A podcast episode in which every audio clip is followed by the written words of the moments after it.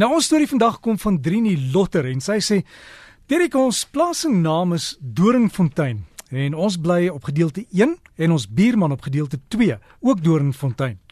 En ons besoek toe ons dogter in Australië in Adelaide en my man raak eenoggend wakker met 'n erge tandpyn en ons dogter sy maak toe 'n afspraak by haar tandarts.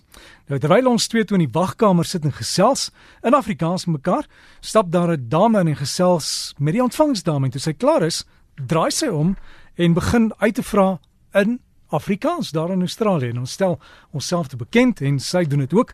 En later vra my man vra wat se werk doen sy en sê sê sy sê toe sy's 'n mondhigienis.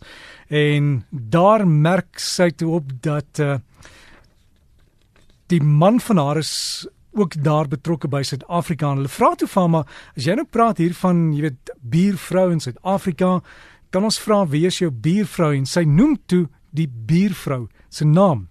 En ek sê toe maar dit kan nie wees nie.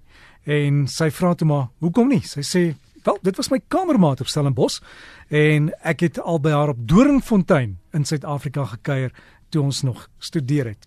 En net daar het ons toe vriende geword met haar en haar man en die twee se seuns en hulle kuier ook nog steeds by ons dogter. Nou wat 'n toeval daar ver in die vreemde. Hoe ons kom van die plaas Doringfontein en daar in die tandarts se spreekkamer ontmoet ons iemand wat kom van die ander deel van Doringfontein en so maak ons vriende in Adelaide in Australië.